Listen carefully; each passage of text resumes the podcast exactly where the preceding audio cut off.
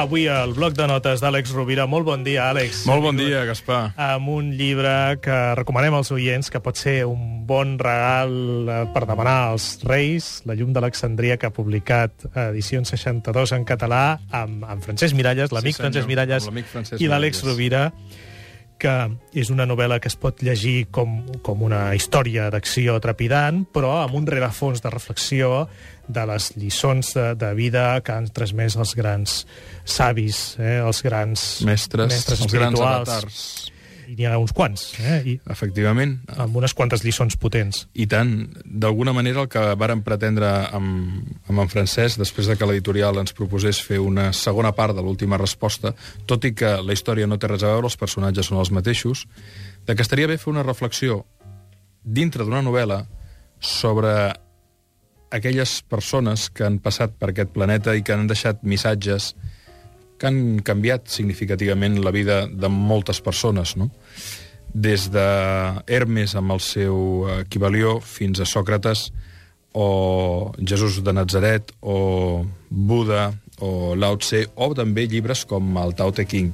Aleshores, el que, el que hem volgut fer en aquest llibre és una síntesi dels missatges que considerem més rellevants de cada, de cada un d'ells i de quin és el missatge original que ens van donar aquests, aquests mestres que probablement, si molts d'ells tornessin ara, no durarien ni 5 minuts, o els considerarien uns revolucionaris i els tancarien eh, a la garjola immediatament, perquè el seu missatge segueix sent revolucionari si no es deforma des de les estructures i de vegades la manipulació que han fet els homes d'aquests missatges. I la novel·la té també paràgrafs eh, contundents, eh? Sí, té... Ah, eh, Seria amable de T'agraeixo que- llegir-nos en un... De fet, eh, és, la, és una de les gràcies de la literatura i de la novel·la poder anar més enllà del que podria ser dit aquí, per exemple, en paraules tranquil·lament en un programa de ràdio o del que podria ser dit en un article. La novel·la et permet recórrer terrenys eh, políticament incorrectes, totalment arbitraris, si volem, Des de la ficció. des de la ficció, no? I aquesta és la grandesa de la novel·la. Doncs eh, bé, anem a escoltar un fragment de La llum d'Alexandria d'Àlex Rovira i Francesc Miralles. Doncs llegirem un fragment d'una carta que escriu el protagonista i que diu així. La veritat no pot ser ensenyada, només pot ser descoberta.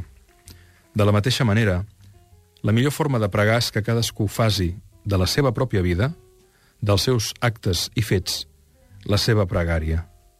Així, amb la manifestació singular de cada ésser humà, de la seva capacitat d'estimar i d'encarnar en aquesta terra allò que és realment diví, és com podem canviar el destí de la humanitat. Perquè si Déu no és amor, no val la pena que existeixi, com va dir un literat. I es pregunta, per què ser budistes si podem ser Buda? Per què ser cristians si podem manifestar la consciència crística aquí i ara? Precisament això és precisament el que ells, els grans avatars de la humanitat, van venir a revelar. I acaba dient, acabarem amb unes paraules de Buda que resumeixen el secret últim de la llum d'Alexandria. Sigues llum per a tu mateix.